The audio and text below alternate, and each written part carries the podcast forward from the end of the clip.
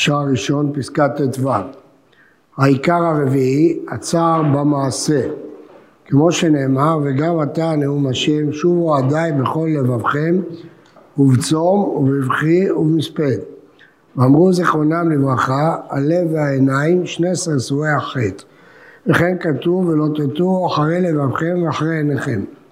לכן, בזאת יכופר עוון הסרסורים במידת תשובתם כנגד מידת משובתם. כי יתכפר עוון לבב החטאים במרירותם והלכותם השבר אשר הם שוברים אותו, כמו שכתוב כרוח מלפני יעתו ונאמר לב נשבר ונדכה אלוהים לא תבזה והמשל על זה מן הכלים הטמאים אשר נשברו מטומאתם תאהו. כמו שנאמר תנור וחיריים יוטץ לעוון העיניים מכופר בדמעות כמו שנאמר פלגי מים ירדו עיניי הלא שמעו תורתך לא אמר לא שמעתי תורתך, אבל אמר לא שמרו, כי הם סיבבו החטא. על כן הורדתי פלגי מים. זה עיקר ייחודי לרבנו יונה. הוא אומר שדיברנו בפסקה הקודמת על היגון והצער הפנימיים של בעל תשובה. הרב מוסיף פה שהיגון הזה צריך גם להתבטא בצורה חיצונית, בדמעות. אומרים בשם הארי שמי שהוא לא קשה לב לא ייתכן שבראש השנה יתפלל בלי דמעות למרות שזה יום טוב. זה לא יעלה על הדעת, זה לא ייתכן. אבל רבנו יונה מוסיף פה הערה מיוחדת, שהדמעות האלה הן לא רק ביטוי חיצוני לצער הפנימי, אלא הם גם אה, מין מידה כנגד מידה. שכיוון שסוף סוף החטא נעשה באמצעות העיניים, אז הבכייה היא מעין תיקון של החטא שסובבו העיניים. והצער הזה שנגלה במעשה אצל רבנו יונה זה חלק מדרכי תשובה. גם הרמב"ם, כשהוא מדבר על, לא על עיקרי תשובה, אלא על דרך השווא, מדרך השווא להיות צועק תמיד לפני הקדוש ברוך הוא, הצעקה הזאת הביטוי המיוחד הזה, שצריך להתבטא גם בצורה מעשית, הצער, ולא לא רק כיגון פנימי אה, בלב, אלא גם בכאב. הרב אה, מזכיר פה בצום, בבכי ובמספד. כידוע, בדורות קדמונים, התעניות והצומות והבכי היו יסודות אה, מאוד חשובים בתשובה. היו ספרים שלמים שכתבו כמה תעניות צריך לצום על כל עוון, בנודע ביהודה, בתשובות יש כמה מספר תעניות, צריך לצום פלוני, וכתבי תלמידי רבי יהודה החסיד, יש הרבה, אבל כבר כתבו הפוסקים שבדורות שלנו נחלשו הדורות, ולכן כמעט, כבר עוד בשולחן ערוך מופיע שהיו צמים בימי הסליחות, כדבר אה, עממי, כדבר מקובל.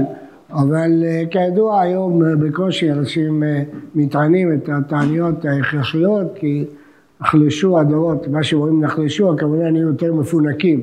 האנשים נהיו יותר מפונקים וקשה להם לעמוד בתעניות וגם תלמידי הבעל שם טוב הרבו לדבר על זה שבדורות שלנו להחליף את התעניות, למשל בעלי המוסר הציעו להחליף את התעניות בתענית דיבור פחות לדבר דברים אסורים, דברים בטלים, יותר טוב מאשר לענות את הגוף. בכל אופן, הבן יונה רואה בבכייה ובביטויים החיצוניים חלק מתהליך התשובה.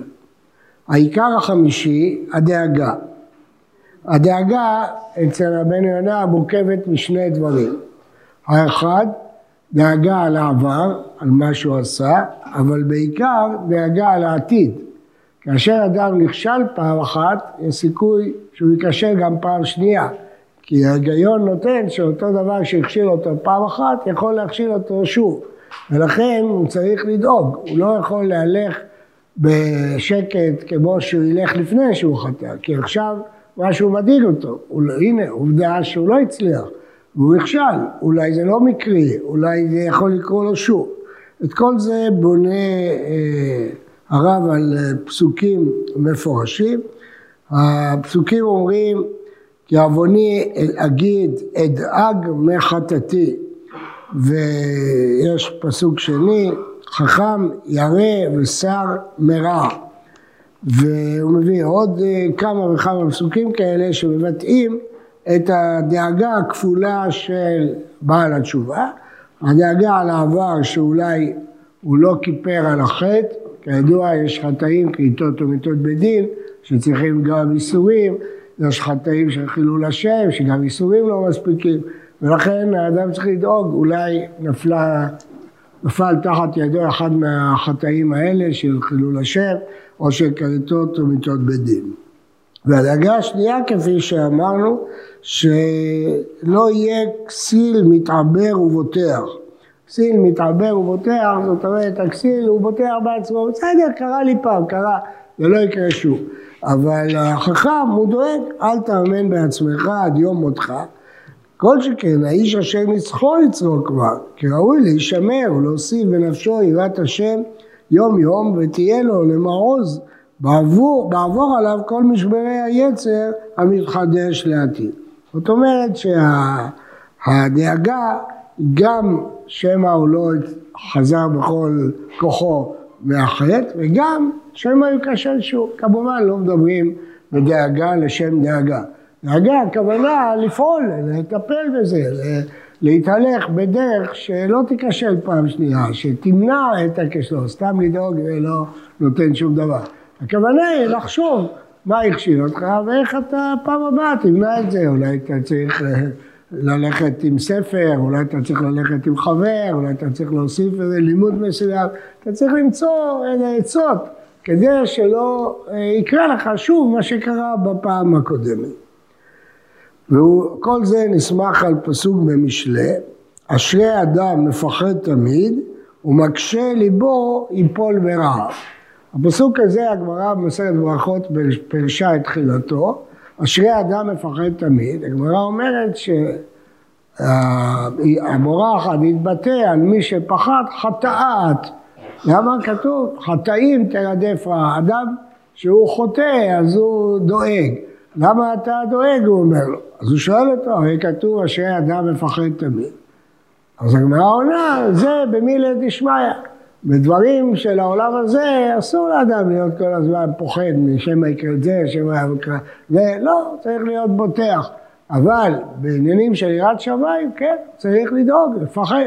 אשרי אדם מפחד תמיד, ומקשה ליבו, ייפול ברעב. מישהו אדיש, קשה לב, אז הסיכוי שהוא ייכשל הוא גדול יותר, פירוש. אבל פי שהוא מודה ועוזב.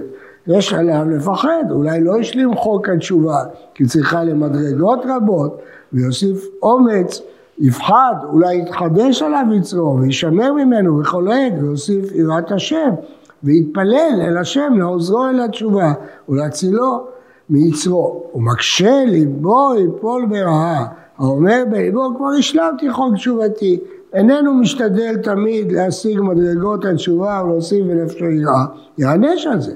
כי הוא רם לבב, ואיננו מכיר מגרעת נפשו, וגם איננו מכיר גודל חיובו להכשיר דרכיו, גם איננו נשמר מיצרו אוהב לו תמיד, על כן יפול ליד יצרו. כלומר, ודאי שזאת מידה מגונה להיות מפחד, לא צריך לפחד, לא צריך להיות אמיץ וזריז ושמח בכל דרכיו, אבל בענייני חטא, אדם צריך לדאוג, לא ללכת כסוס שוטף במוצתו ולזרום והכל יהיה בסדר.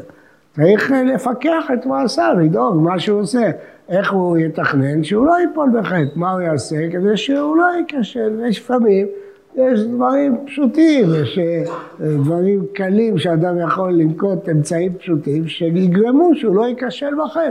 והרבה פעמים זה נקרא מקשה ליבו ייפול ברעה, לפעמים משפחות בקלות, בקלות יכולים לשים איזה תוכנה של סינון אבל הם מקשים בליבם, מקשה ליבו, לא יקרה לנו כלום, לא יקרה שום דבר. מקשה ליבו, יפול ברעה, יש חשש שקשיות הלב הזה תפיל אותך ברעה, אתה צריך לחשוש, נכון, אתה אדם גיבור וחזק והכל בסדר, אבל בכל זאת צריך לדאוג, אם אתה יכול לפתור את זה, אז תפתור את זה, אשרי אדם, מפחד תמיד, אל תהיה מקשה ליבו, אל תסמוך על זה שלא יקרה לך כלום. אם יש דברים שאתה יכול לעשות בקלות ולחסוך ממך את ה... ניסיונות ולחסוך ממך את האפשרות להיכשל, אז הדאגה הזאת היא לא דבר שלילי. הדאגה בחיים בכלל היא דבר שלילי, אבל הדאגה ביראת שמיים היא לא דבר שלילי. אשרי אדם, אדם שדואג ולא דואג בעלמא, נוקט אמצעים של זהירות, יכול להיות שזה אמצעים עודפים, שהוא היה יכול גם בלי זה, יכול להיות, אבל הוא דואג, הוא פוחד, ולכן הוא נוקט עוד אמצעים כדי להיזהר, כדי להישמר, כדי לא להיות מקשה ליבו. אלה עוד עיקרים של התשובה של מונה רבנו.